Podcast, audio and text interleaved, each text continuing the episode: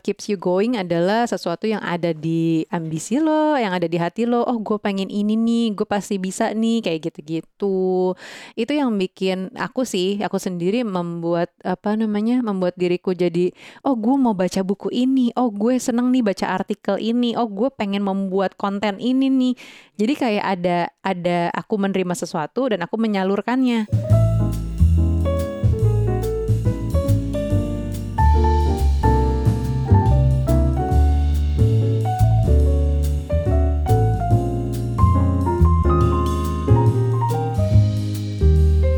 Halo Ibu. Hai Bapak. Hai. Hai semuanya pendengar curhat babu curhat Bapak Ibu. Hai, uh, terima kasih sudah menemani kami ya selama ini kita udah mulai agak konsisten dan mulai menemukan rhythmnya untuk untuk tetap terus rekaman secara konsisten dan juga ini juga berkat kalian juga yang ngirim-ngirim email juga. Masih terus masih ada. Ya mungkin bukan ratusan ribuan gitu ya tapi Ya, adalah satu, dua. beberapa lah. Satu dua lah per jam. Oh gitu per jam. Oke. Em, hari ini salah satunya kita mau membahas eh, email yang cukup kita bisa mungkin punya pengalaman menjawabnya. Mm-mm. mungkin nggak pengalaman tepatnya tapi the the reason behind it gitu. Jadi kayak gini emailnya itu kamu yang baca ya perempuan yang ngirim Oke, jadi aku bacakan ada email yang masuk nih. Mm-mm. Hai Kanucha dan Kak Aryo, saya XXX. Saya mau dong dengar pendapat Kanucha dan Kak Aryo terkait dengan wanita atau istri atau ibu yang ingin lanjut sekolah lagi S2 atau S3 ke luar negeri dengan durasi studi setidaknya 2 tahun. Nah, jadi misalnya ada beberapa skenario yang dialami oleh Kanucha dan Kak Aryo seperti ini nih. Satu, Ki- kita jawab ya langsung aja Ya, kita Oke. langsung jawab aja. Ini skenario pertama ya. Dari dari pengirim email ini. Kalau Kanucha sekolah lagi, tapi kondisinya sudah punya setidaknya satu anak gitu ya, misalnya masih balita, apakah Kak Aryo akan minta anaknya ikut dibawa oleh ibunya agar selalu dekat atau gimana? Oke, eh, ini tentu tidak bisa disamakan semuanya posisinya karena juga sangat tergantung posisi em, keadaan lakinya ya. Mm-mm, Maksudnya, mm, em, aku nggak akan segampang itu ninggalin bisnis. mm, Itu juga harus dipertimbangkan. Cuman kalau itu ditanya dalam keadaan sekarang, Mhm. which is anak kita dua-duanya masih balita, masih kategori iya, masih iya. sama. Kamu mi- misalnya mau sekolah di sana, eh, kamu nggak ada parent talk nih misalnya Iya. nih. Em, aku ak- tergantung di mana. Kita lihat dulu seberapa jauh misalnya. mm. Em, tapi aku akan berusaha untuk ikut. Oh, kamunya ikut, anaknya ditinggal aja. Ada, oh anaknya ikut. Oke, gini. Ada beberapa hal yang pengen aku lakukan yaitu pertama aku eh, konsiderasi aku untuk keputusan itu. Pertama kerjaanku cukup mobile saat Mhm, ini. mhm. Jadi walaupun nanti nggak bisa menghadiri launch gadget atau apa, tapi we still can make uh, konten di sana gitu sama kamu atau aku sendiri. Mm-mm. Misalnya itu cuman berupa tulisan akhirnya atau podcast sendiri atau apa semuanya aku lakukan berusaha dari sana dan tentu ada adaptasi. Kedua, anak kita masih balita dan itu penting. Mm-mm. Bagi aku penting banget untuk balita sebisa mungkin ada kedua orang tuanya lengkap. Iya. Nggak nggak cuman bapak atau nggak cuman ibu. Jadi memang itu ya ya, sekolahnya gimana nanti kita sesuaikan lagi. Adaptasi kerjaanku, adaptasi sekolahku eh, nanti kita lihat kayak gimana. Apalagi kalau negaranya yang edukasi buat anaknya bagus. Nah, Bagus. itu akan lebih nggak apa-apa lah ya. penyemangat situ. lagi Mm-mm, gitu. Dan itu solusi kita kalau keadaannya saat ini. Tapi kan orang beda-beda. Ada yang nggak Iya. bisa ninggalin kerjaannya mungkin. Gitu. Itu yang pertama. Oke, nah skenario keduanya yang ditanya adalah Kanucha akan lebih prefer bawa anak untuk ikut studi atau tidak? Nah, kamunya sendiri gimana? Oke, kalau kondisinya seperti ini, sejujurnya eh, aku memilih untuk nggak ambil sekolah di luar sih. aku masih punya ambisi memang untuk sekolah lagi S3. eh, eh, memang pengennya di luar gitu ya, atau S2 lagi aku nggak apa-apa, asal di luar. Heeh. Em, tapi kalau misalnya punya anak masih kecil-kecil, misalnya walaupun baru cuman misalnya satu anak gitu ya, aku nggak kebayang sih untuk gimana caranya juggling antara sekolah, tugas dan anak. Tapi dari sekolah kamu juga kerja dan anak kan? Iya, tapi Anggap aja kan kalau ke sana kerjanya hilang, jadi sekolah dan anak gitu. Iya, di sana sekolah dan anak, cuman pasti akan beda ya karena nggak ada bantuan kan. Betul. Eh, mbak udah pasti nggak ada. Orang Suami tua, juga misalnya uh-uh. memilih untuk eh, tinggal stay tetap di Jakarta, ya aku nggak ada bantuan walaupun ada daycare. Cuman mungkin nggak Ada akan segitunya. gitu. Mm-mm, Ada Hmm. kos lagi, terus apa namanya? eh, jadi mungkin aku lebih memilih untuk pending sedikit misalnya gitu. Tapi kalau misalnya anaknya udah agak besar, aku bawa mungkin. Karena Ah. kondisinya walaupun aku taruh daycare eh, nggak apa-apa. Terus kalaupun nanti di rumah balik gitu misalnya sama aku kan udah agak gede, biasanya lebih Hmm. lebih mandiri, udah bisa lebih ngertiin ibunya. Jadi bukan tahap yang masih apa ya? hmm, apa? Kayak masih nagging banget Iya. atau kayak eh, apa namanya attach banget sama ibunya gitu nanti yang ada Eka nggak bisa ngapa-ngapain belajar nggak bisa ngerjain tugas nggak bisa Iya. terus harus begadang aduh kayaknya menambah problem baru gitu loh Jadi tapi juga kamu nggak ninggalin anak tapi lebih prefer nggak ngambil sekolah itu dulu. Iya, jadi aku prefer menunda, bukan tidak Menunda, ngambil sih, iya. menunda dulu. Betul. Gitu. Yang Nah, ketiga, oke, kondisi ketiga. Kalau memutuskan tidak bawa anak, Kanucha akan rela atau tidak eh, atau tega meninggalkan anak di Indonesia di kisaran usia anak berapa sih? kamu akan ninggal nggak Oke, nih? Ninggal sih mungkin, tapi kalau anak udah SMP kali ya. Tapi aku tua banget ya buat sekolah lagi. Eh, iya Kalau SMP ya. kan mungkin Eh, itu udah cukup dewasa untuk ditinggal ya. Tapi kalau mm, kayaknya aku golden period belum berani ninggalin sih. Golden sampai 5 apa 7 kalau kamu? Ya ada yang bilang lima tahun, ada yang bilang tujuh tahun. Ya aku percaya tujuh tahun sih. Oke, itu nggak akan ditinggal. Jadi Nucha lebih pilih menunda. Menunda, menunda. Jadi aku untuk ninggalin anak aku kayaknya enggak ya. Oke, gitu. lanjut. Terus keempat, eh, support istri dengan cara ikut pindah juga ke luar negeri memungkinkan menjadi opsi dari suami tidak. Misalnya di Indonesia, karir suami tersebut udah tinggi dan tidak memungkinkan untuk remote working. Nah itu kita nggak bisa jawab karena kalau karirnya harus ditentukan suami sendiri tergantung karirnya apa ya nggak sih? Iya betul. Tapi kalau di aku ya aku bilang aku mungkin akan bisa sekarang. Mm-mm. Kalau kamu ada sebaiknya mungkin beasiswa ya biar nggak mahal juga iya. ya. kamu ada beasiswa biar di cuman luar. bayar living cost aja gitu ya. Bayar living cost, uh, mungkin kita akan uh, jual rumah, nggak tahu. Kita, uh, aku akan mulai tanpa kerjaan dulu, pakai dana Iya. darurat berapa lama sampai harus tetap cari kerjaan sebagai content creator sih. Iya. Yang bisa dilakukan mungkin klien-kliennya orang Indonesia juga nggak masalah gitu. Contoh teman-teman kamu yang di Australia itu Ah, kenapa? masih jago kan jadi content creator dari Australia. Iya, klien-kliennya bener, Indonesia bener. juga kan. Kliennya Indonesia, bener-bener. Ah, Tinggalnya sih di Australia. Ah, ah, ada dua lagi namanya sama tuh. Oke, yang keempat. Yang ke eh lima itu eh, sebenarnya. Iya, iya, sorry, sorry. Angkanya salah Kondisi dia. kelima. Semisal suaminya ikut dari sudut pandang laki-laki, ikut istri sekolah di luar negeri, namun day to day-nya hanya merawat anak dan mengurusi rumah, rasanya seperti apa sih? Malu nggak? Gengsi nggak? Em, gini, konsiderasinya bah, gini ya. Mungkin idealnya adalah nggak malu, nggak masalah. Tapi harus dipikirkan juga tempatnya di mana. Akan lebih susah justru di Indonesia jadi day to day husband.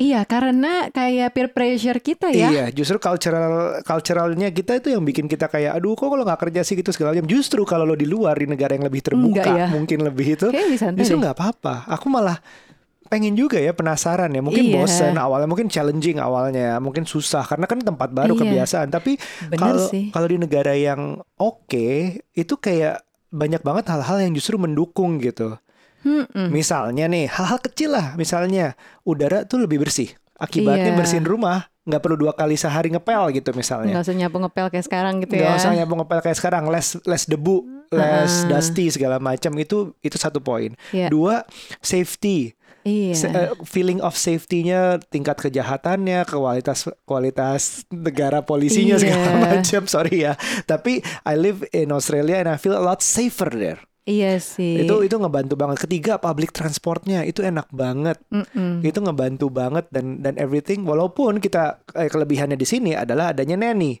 adanya mbak ke kemungkinan support sistemnya. Tapi ini menurutku sih um, banyak juga yang harus dipertimbangkan posisi-posisi di sana yang bahkan nggak ada lagi yang ngomongin bapak jadi kerja di rumah atau bukan kerja di rumah ya ngurus anak di rumah full time Mm-mm. itu gi- malu kak gengsi nggak gitu-gitu aku aku sih malah pengen ada kesempatan itu tentu dengan perhitungan yang tepat ya maksudnya Mm-mm. misalnya em, duit cukup Mm-mm.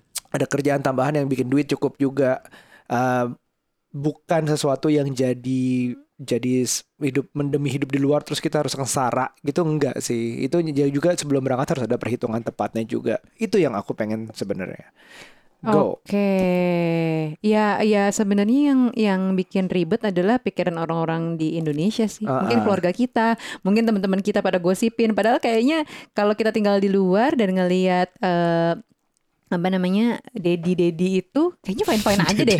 Jemput anaknya di daycare, nganterin anak daycare, terus bapaknya pergi ke mana, Iya. kayaknya fine ya. Ya tergantung negaranya sih ya, tapi kayaknya kayak fine, fine sih. fine Ha-ha. aja gitu. Kayaknya beberapa aku juga dengar beberapa cerita sih kalau ada yang kayak gitu yang nemenin istrinya ke luar negeri buat sekolah gitu. Iya, kalau nggak salah temanku tuh si Moldi, sobat HP, itu nemenin istrinya 2 tahun apa untuk sekolah di Inggris. Dan dia jadi Ah. bapaknya dan dia sambil bikin YouTube, ya itu dilakukan di rumah segala macam. Iya nggak apa-apa sih. Cuman yang bikin apa-apa. berat cuman orang Indonesia. iya, itu dia dan dia sekarang Stereotipnya gitu. sekarang pulang meneruskan jadi kerja YouTuber juga di rumah juga Iya. gitu. Oke, terus next em, Yang ke terakhir kalau Kak Nuca, Kalau Kanuca yang menempuh pendidikan PhD seenggaknya 4 tahun, let's say Karyo beserta anak mending untuk ikut atau tidak?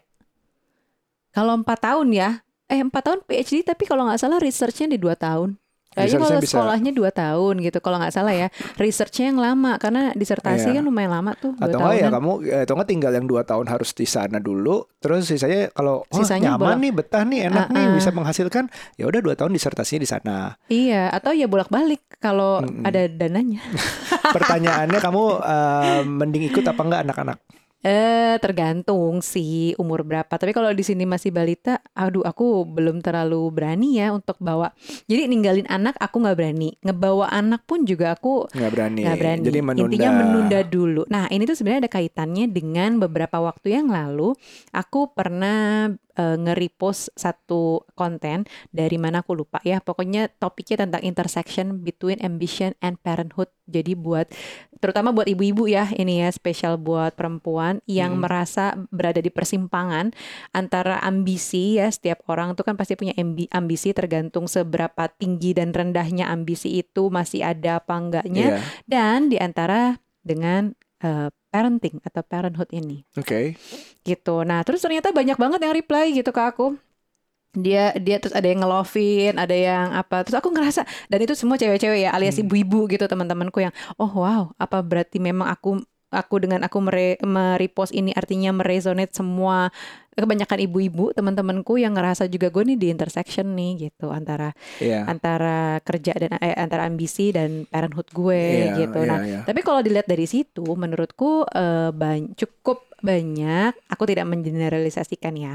Cukup banyak eh, perempuan yang kemudian menikah dan menjadi ibu itu merasa mungkin belum eh, eh, ya ada unfinished business dengan ambisinya mungkin atau mungkin ada hal-hal yang masih ingin dikejar gitu kan. Aku bisa ngerti sih karena hmm, aku sendiri juga masih punya beberapa ambisi-ambisi gitu. Tapi ambisi kalau kita akarnya lagi ambisi itu terbentuk karena apa sih? Maksudnya apakah drive dari orang tua misalnya, apakah Bisa. drive uang ekonomi kamu yang ingin ingin dapat uang yang sekian cukupnya Hmm. atau kamu ingin acknowledge eh, di acknowledge orang misalnya menurut kamu ambisi itu bisa ke mana-mana kan karena akarnya kan Iya, akarnya macam-macam sih. Ada kayak pembuktian ke orang tua misalnya Ah, ah, ke orang tua, ada pembuktian ke orang sekitar yang Mm-mm, merasa mm-mm. dia merasa pernah di apa namanya dilihat dipandang apa namanya istilahnya dipandang rendah rendah Ah, ah. misalnya atau Diremehkan. diremehkan atau memang orangnya kompet basically kompetitif aja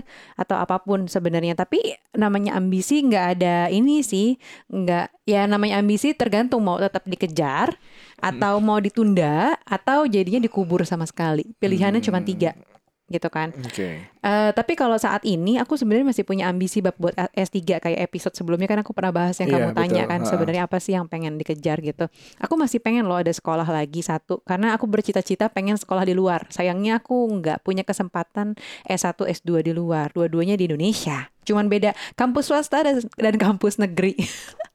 Tapi aku pengen banget sekolah di luar gitu. Jadi eh, ya udah deh aku coba nanti begitu udah nikah anak-anak mungkin udah bisa settle ya aku bisa sekolah lagi gitu. Yang S2 kan cuma 2 tahun eh, ya mungkin mungkin bisa lah suatu saat dikejar. Tapi gimana caranya biar sampai ke situ? Tadi aku bilang ada tiga ada tiga kan ambisi bisa tetap dikejar selama menjadi ibu Mm-mm. atau bisa juga eh, ditunda aja sampai menunggu waktu yang tepat atau dikubur sama sekali. Menurutku ambisi itu sebaiknya sih tetap ada terus ya, nggak dikubur. nggak dikubur gitu. Maksudku nanya ambisi dari mana tadi itu lebih ke arah eh, bagaimana orang menemukan asal ambisinya. Pastikan ambisi itu miliknya, bukan milik orang lain. Mm-mm. Jadi em, related dengan yang kita omongin tentang milenial, eh milenial, mindful parenting kemarin, em, bahwa itu bukan ambisi orang tuamu, Mm-mm. gitu. Misalnya orang tuanya dokter, anaknya anaknya dok harus jadi dokter, misalnya. Nah itu kan dia pengen eh, pengen membahagiakan orang tuanya. Iya. Itu ada satu contoh. Atau kasus lain, saking bencinya dipaksa jadi dokter, dia mau berusaha sukses untuk justru mematahkan orang tuanya gitu. Bahwa gue Mm. juga bisa nih nggak sukses jadi dokter. Iya. Dua-duanya kalau terlalu ekstrim, ini kan spektrum kan. Mm. Dua-duanya kalau terlalu ekstrim bisa damaging sebenarnya. Iya benar Jadi sih. lo jadi dokter karena orang tua lo atau lo nggak jadi dokter karena orang tua lo juga. Jadi Iya. sebenarnya diri lo sendiri tuh maunya apa gitu. Iya iya iya iya. Nah, Ya, pastikan itu oke. benar-benar masih relate sama ya orang tua bisa membuka jalan, orang tua bisa mengasih contoh yang kalau ada pilihan-pilihan gitu. Tapi Mm-mm. kalau itu sampai damaging bahwa bikin konflik di batinnya orang yang berambisi ini, nah itu yang Sebaiknya sih jangan ya, jangan. Jadi Mm-mm. pastikan udah nikah, udah punya anak, eh, ambisi yang kita ada, yang kita masih punya tuh bukan titipan orang lain, alias Benar. bukan kayak ambisinya orang tua ke kita yang kita unfinished atau belum accomplish, tapi ya memang benar-benar dari kita. Kita Iya. pengennya apa sih? Kayak misalnya aku memang pengen sekolah lagi karena aku tuh ada feel ini loh bab kayak apa hunger gitu. Aku pengen banget belajar Iya, iya, ini iya. dan itu Kelihatan gitu. sih sehari-harinya masih. Sadar gitu. Masih suka baca, masih suka belajar apa, ikut workshop gitu-gitu apa masih? Iya, kayak aku tuh pengen terus belajar, pengen otakku terus jalan gitu. Eh, aku merasa nggak, aku merasa dysfunction ketika waktu itu ada masa-masanya ya habis lahiran, Baby blues. ya baby blues. Aku nggak ngerasa kayak kok gue nggak bisa mengaktualisasikan diri ya. Kok waktu gue sehari-hari sama anak aja ya dengan Iya. kayak gini gitu. Akhirnya ada masanya ya itu mungkin jadinya baby blues ya karena merasa gue tidak kok gue nggak mendapat sesuatu yang di- secara otak ya Bo gitu. Iya. Tapi kalau secara kebahagiaan sama anak iya. Cuman ya itulah mungkin karena aku masih punya ambisi itu jadi kayaknya unfinished. Nah terus tapi Mm-mm. eh, apa namanya begitu sekarang makin gede anak-anak, iya suatu saat aku tahu mungkin aku akan uh, pengen achieve lah beberapa ambisi itu, tapi ya sekarang sifatnya ditunda Iya, iya, gitu. iya, Nah, iya. yang sekarang jadi problem buat orang-orang yang masih punya ambisi adalah gimana caranya uh, untuk to keep the sparks alive uh, untuk di ambisi kita ya, bukan cuma relationship yang harus ada sparksnya alive di antara kalian dan pasangan, tapi ambisi itu sebaiknya tetap ada sih di di diri kalian, Iya. karena itu kan yang dalam uh, batas normal ya, dalam batas sehat mm-mm. maksudnya. what keeps you going adalah sesuatu yang ada di ambisi lo, yang ada di hati lo. Oh, gue pengen ini nih, gue pasti bisa nih, kayak gitu-gitu. Itu yang bikin aku sih, aku sendiri membuat apa namanya, membuat diriku jadi, oh gue mau baca buku ini, oh gue seneng nih baca artikel ini, oh gue pengen membuat konten ini nih. Jadi Hmm. kayak ada ada aku menerima sesuatu dan aku menyalurkannya gitu. Padahal cita-citaku sebenarnya at the end adalah aku pengen jadi dosen aja. Ya, Karena in, in your old days gitu ya. Iya, iya, iya, iya. Jadi aku eh, waktu umur 25 udah jadi dosen, itu aku udah tahu tuh di situ. That moment, oh ini nih bakal jadi pekerjaan gue once gue nanti tua. Jadi orang mungkin pensiun gitu apa, mungkin agak bingung mau ngapain, tapi gue udah tahu gue masa tua gue tuh mau ngapain. Dari aku umur Nice. 25. Itu kejauhan kayaknya ya. Nah, I, I, I think it's I think it's it's it's okay. Maksudnya um, mungkin lo eh mungkin ibu mau menemukan comfortnya di situ gitu berbagi Iya. dan juga it's it's something you can do you're able to do. Um, cuman sekarang mungkin masih juga ngerasa sebagian oh kayaknya gue masih banyak yang belum apa masih banyak ilmu yang bisa gue pelajarin untuk dibagikan gitu. Iya, benar-benar. Mungkin Jadi gue nggak gitu. segitu ahlinya, gue nggak Uh-uh. itu. Jadi gue pengen belajar lagi. Itu itu bisa jadi. Jadi ja- tahap belajar kamu adalah untuk tahap ujung end game kamu gitu. Iya iya. Kayak sekarang nih aku juga ngerasa sih uh, misalnya nih suka ada job-job yang uh, ayo Mbak jadi narasumber di sini. Aku selalu tanya ini tuh Ngomongin ranahnya apa? siapa? Gitu kan. Kalau ranahnya uh, psikolog terus yang ada membutuhkan expertise sesuatu jangan aku. Aku bilang gitu. Aku selalu pokoknya cut deh di situ. Karena aku bukan expert. Uh, jadi aku ngerasa oh kayaknya nih memang gue saatnya deh sekarang ngambil ngambil satu uh, certification atau apa gitu yang memang uh, mensupport apa yang aku lakukan. Jadi Setuju. orang tuh uh, apa namanya menjadikan aku narasumber, menjadikan aku acuan karena aku punya basic itu. credibility, experience, Iya. knowledge itu semua tuh ditambah masih masih pengen ditambahin Ah, sekarang. ah, kayaknya gitu. Terus em, jadi gimana? Apakah ini kan ini kan yang ngirim email ini uh, Hmm. dia tuh ya tadi dia bilang asumsinya adalah uh, beasiswa ya, jadi Ya, tidak ada ya. financial hardship. Sebenarnya masih ada financial hardship secara living cost, Mm-mm. secara suaminya mungkin nggak kerja di sana sementara gitu-gitu ada possibility seperti itu Mm-mm. gitu. Tapi uh, terus dia bilang uh, dia tuh mau hubungannya baik dengan pasangan, ada rencana untuk menikah, tapi masih ingin lanjut S2 bahkan S3 gitu. Tapi entah kenapa rasanya terlalu banyak variabel seperti di atas yang terpikirkan oleh saya sebagai wanita. Apalagi ingin lanjut studi di luar dalam jangka waktu yang lama. Pembicaraan dengan pasangan terkait topik-topik di atas pernah ada, namun deadlock karena minim inspirasi. Ah.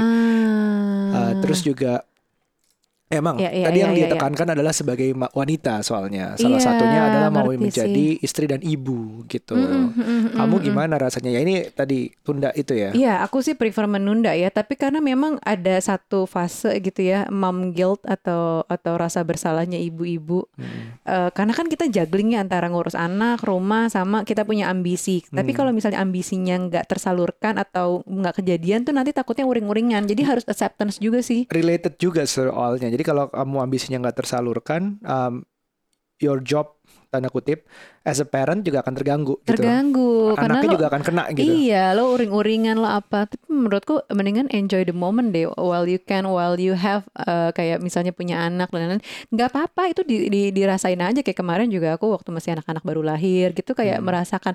Justru aku baru ngerasa fulfill ketika bikin parent talk ini sih. Setidaknya ada yang gue kerjain, setidaknya ada yang gue cari tahu, ada yang gue Hmm. research, ada Iya. yang gue temen ngobrol, yang apa-apa gitu. Itu yang dibutuhkan sih mengaktualisasikan diri. Nah, tapi ada satu fase mom guilt tadi ya menurutku eh, itu tuh stresnya ibu-ibu gitu eh, ketika sebentar ketika eh, apa namanya dia tuh ngerasa nggak apa bab namanya nggak ngerasa nggak fulfill Nggak iya.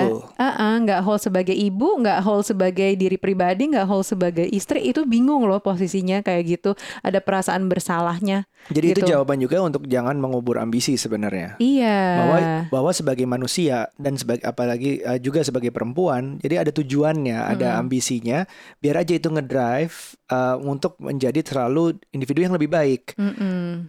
entah itu sebagai better parent better student better person tapi um, bisa ditunda dulu Iya, benar. Kayak sekarang pun ya, eh, aku walaupun kerjanya dari rumah, tapi mom guilt rasa rasa atau fase rasa bersalah sebagai ibu tuh ada banget.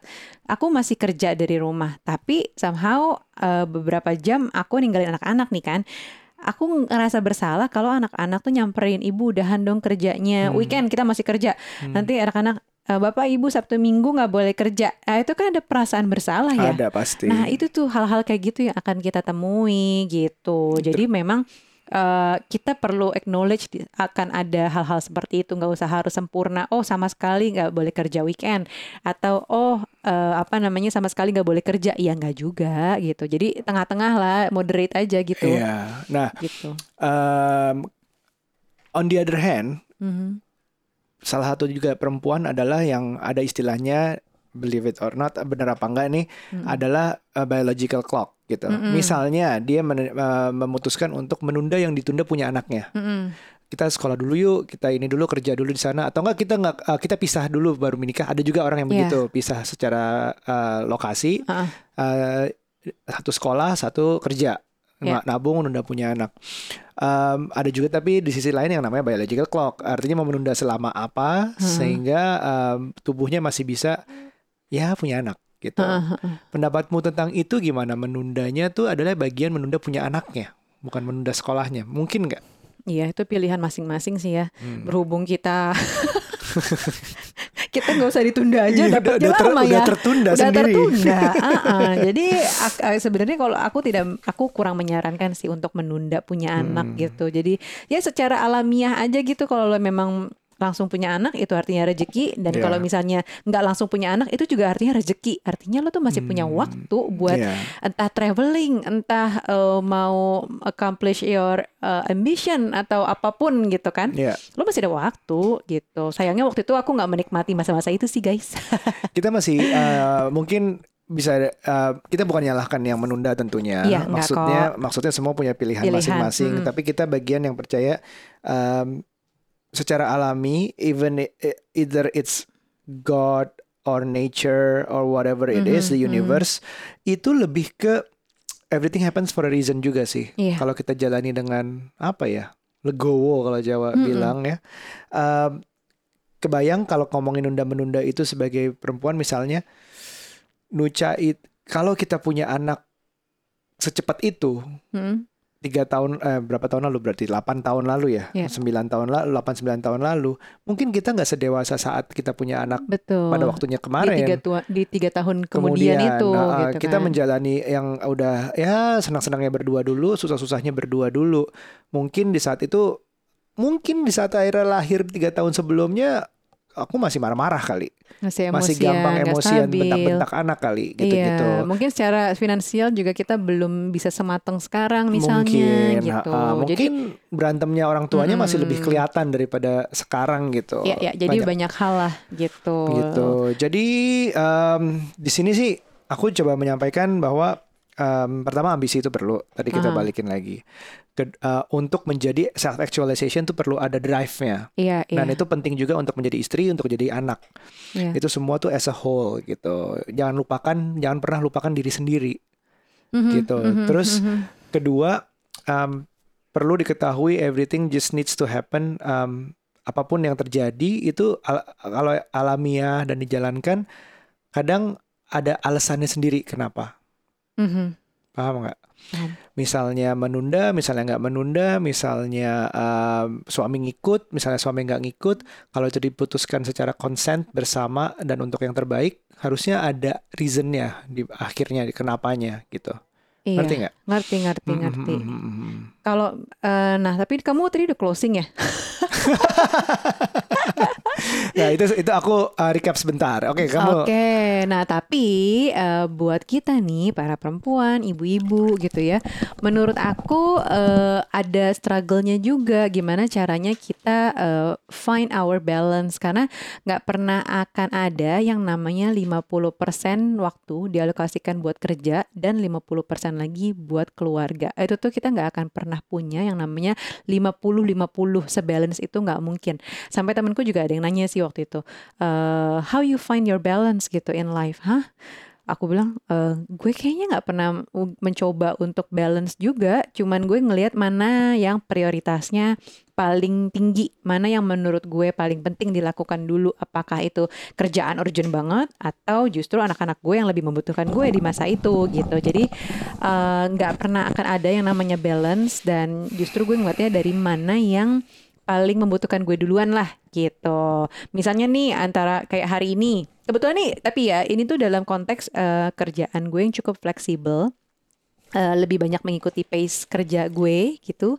Jadi eh, di tengah-tengah tuh in between kayak sekarang nih hari ini eh, gue dengan nganterin anak ke sekolah itu bisa gitu di jam pagi hari ke sekolah terus eh, jemput lagi sejam habis itu udah di rumah kerja bikin konten meeting nanti itu masih Hmm. ada. Jadi masih bisa disesuaikan. Tapi kan eh, mungkin teman-teman kondisinya beda konteksnya beda kerjaannya mungkin yang benar-benar harus di depan layar yang harus benar-benar ke kantor. Itu kan nggak applicable gitu kan. Nah Oh, tapi curhat nih ya.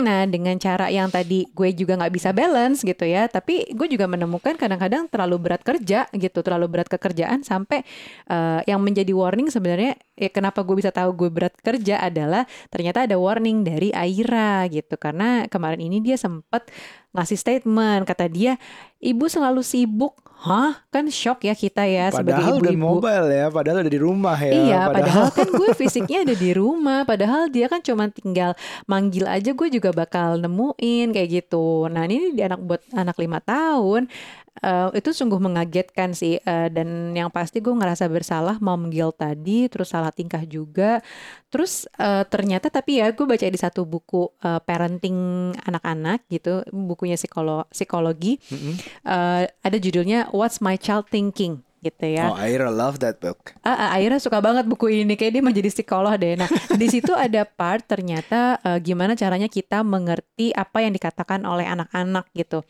Uh, ternyata kata-katanya si anak ini ibu selalu sibuk ya. Itu yang sebenarnya dirasakan anak-anak adalah kenapa sih ibu selalu pikir hal lain lebih penting dari aku? Aku sedih banget. Nah, kurang lebih tuh itu.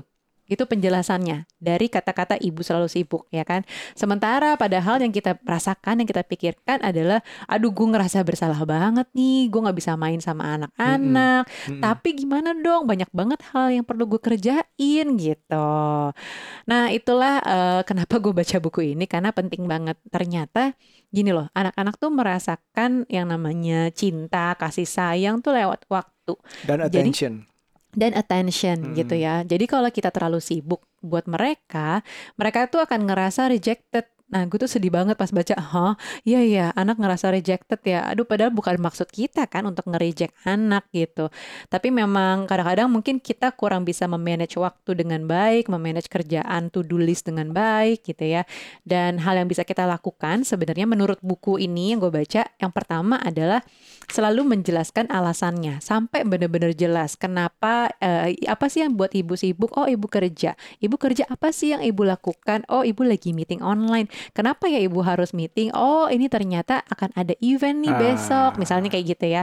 Dijelasin sedetailnya sampai anak-anak tuh ngerti dengan bahasanya anak-anak juga tentunya ya.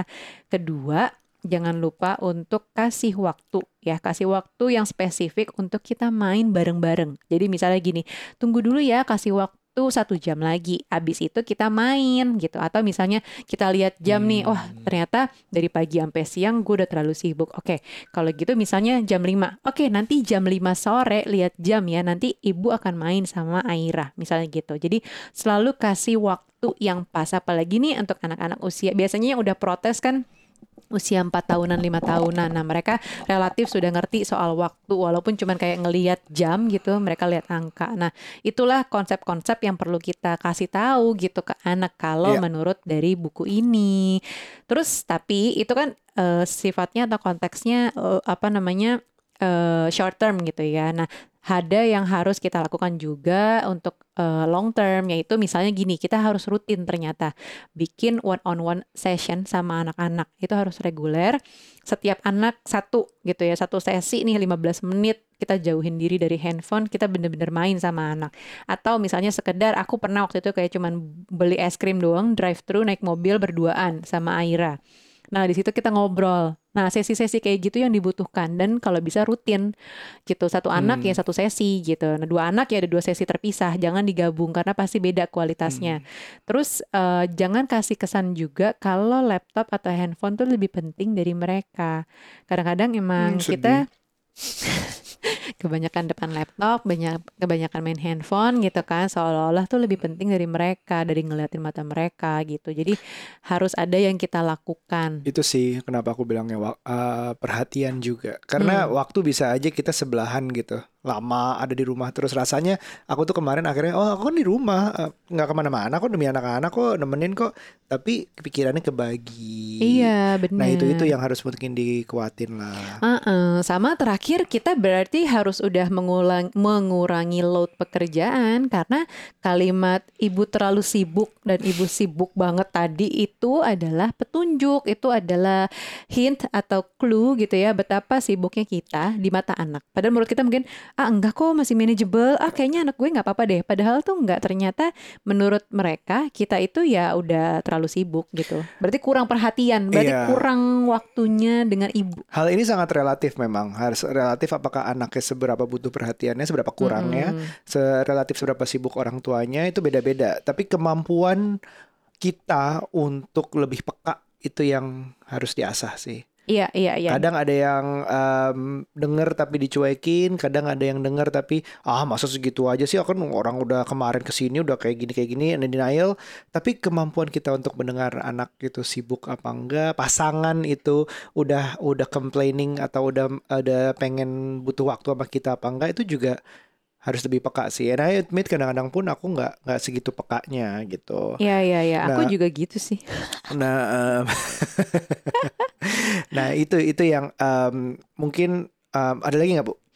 Dari aku sih itu aja ya palingan. Jadi eh, untuk ibu-ibu yang masih mengejar ambisi, eh, masih ada di persimpangan antara punya cita-cita dan parenthood, eh, sebaiknya tidak dipadamkan karena itulah yang membuat kita eh, what keeps me going, what keeps us going.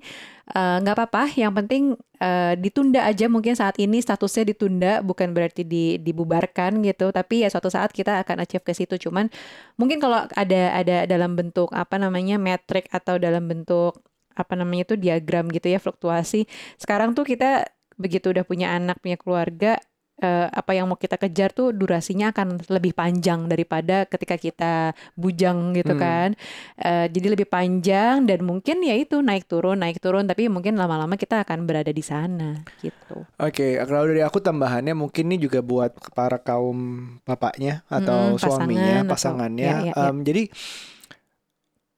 istri untuk terus punya pasangan kita untuk harus terus punya ambisi untuk dirinya sendiri. Hmm. apa pun itu mau jadi ibu rumah tangga mau jadi dosen mau Hmm. jadi kerja punya usaha sendiri apa pun itu itu penting untuk dia menjadi dirinya sendiri as in the real self dia mau jadi apa asal bukan ambisi orang lain yang dititipkan ke dia ya Iya. Um, itu penting banget that's should be the reason why you love her at the Hmm. beginning gitu di awal banget lo sayang sese kagum atau suka atau cinta seseorang kan harusnya oh dia tuh orangnya pengennya ini ya oh dia pengen jadi ini As- aspirasi dia mau jadi apa itu harusnya adalah salah satu faktor kenapa lo suka sama dia di awal Hmm. gitu tetap bikin dia kayak gitu adalah tetap membiarkan atau mendukung bahkan dia mengejar ambisinya dengan um, komunikasi kita tetap harus ngobrol Hmm. Oke, aku belum bisa misalnya ya, aku belum bisa tahun ini kita pakai dana darurat untuk setahun dua tahun aku dukung kamu ke sana gitu. Hmm. Ya udah, kita tunggu tunda sampai tahun depan. Abis itu kita kita janjiin deh. Oke, yuk aku ikut kamu Hmm. misalnya. Tapi dalam satu tahun itu ya semua harus di plan baik-baik. Dua-duanya harus membangun tabungan lah atau kerjaan yang bisa support itunya. Dasarnya adalah karena kita penting untuk mendukung pasangan kita untuk menjadi yang terbaik versi dirinya gitu Hmm. penting em, iya iya aku iyain kamu kok S, S, 2 S3 tapi memang eh, kamunya sendiri saat ini adalah pengen buat anak-anak dulu Iya. Em, retirement plan bisa dipikirin atau eh, moving out plan misalnya kita pindah akhirnya di lima tahun lagi ke New Zealand lah Australia atau apa lah. Hmm. I, I wish Em, itu harus mulai dibikin bareng-bareng tapi dasarnya perlu diingat adalah perlu mendukung pasangan Mm-mm. seperti halnya nanti pasangan juga akan mendukung kita balik gitu. Bener sih, kalaupun misalnya eh, pada masa-masa ini, eh eh, misalnya nih ya di awal-awal udah sepakat istrinya yang perlu didukung oleh suaminya, akhirnya suaminya misalnya ikut ke luar negeri demi anak eh, demi Hmm. istrinya sekolah gitu, ya suatu saat juga kan si istri juga akan kembali untuk mendukung suaminya untuk pekerjaan, misalnya balik lagi ke Indonesia atau ya ini masalah fase aja nggak Iya. sih, Bab? Satu dua tahun sekolah tuh pendek dari dibanding dengan Insya Usia Allah lamanya pernikahan, ha, ha, usia pernikahan iya. itu kan target lo menikah kan juga bukan lima tahun, bukan 10 tahun, tapi kan sebisa mungkin selamanya. Pasti at least orang targetnya seperti itu. Iya sih, bener-bener. Dan tinggal kapannya aja mungkin masalah biological clock tadi, masalah punya anak. Nah, itu bisa dibicarakan baik, tapi should be supportive. Mm-mm. Mungkin nanti aku akan sekolah lagi pas mungkin Aira tiba-tiba SD-nya di luar gitu kan luar Mm-mm. negeri. Oh ya udah oke aku sekalian ikut S2 apa S3 di luar negeri gitu. Ya, tapi sekarang kalau kita ngomongin bahwa em, aku misalnya nih, aku nggak mau kita long distance. Ya mungkin sekarang nggak mau karena ada anak yang harus di eh, race bareng. Iya. Tapi I don't know, mungkin di I- anak udah 10 tahun, 20 tahun, I don't know. 20 tahun kamu masih masuk sekolah gak sih? Nggak tahu. ya bisa aja, I don't know gitu ya. Tapi ya Eh, bukan eh, Bu Rani, em, Tante Rani buat kita sesi- apa seorang marriage counselor ya Mm-mm. pernah bilang eh, ini bukan pengorbanan, ini pengabdian terhadap pernikahan. Iya betul. Kalimat eh, kata yang diganti itu make such a difference bahwa oh gue mau mengabdi dengan gue nggak kerja eh, atau gue jadi stay at home dad misalnya Mm-mm. demi kamu sekolah itu mengabdi ke pernikahan kita selama dua tahun saja. Misalnya abis itu we work together again gitu misalnya. Atau kamu Nuca mau seperti kamu mengabdi kepada pernikahan ini adalah di saat kamu kayaknya aku nggak bisa punya anak salah satunya adalah em, agak sulit punya anak. Waktu salah satunya adalah karena kerja stres kerjaku kamu berhenti kerja dulu Iya. nah itu pengabdian kamu Hmm. untuk berapa lama gitu terus ya udah balik lagi sekarang kerja segala macam so bukan berkorban tapi mengabdi Mhm, mhm, mhm. Gitu. Oke, semoga menjawab ya teman-teman atau terutama yang mengirimkan email ini dan bisa uh, didengarkan bareng dengan pasangannya mungkin. Oke, kalau gitu. Uh, kalau masih mau kirim email, jangan lupa kirim emailnya ke curhatbapakIbu at gmail.com atau follow kita di Instagram at curhatbapakIbu. Yes. Sampai ketemu di episode berikutnya. Bye.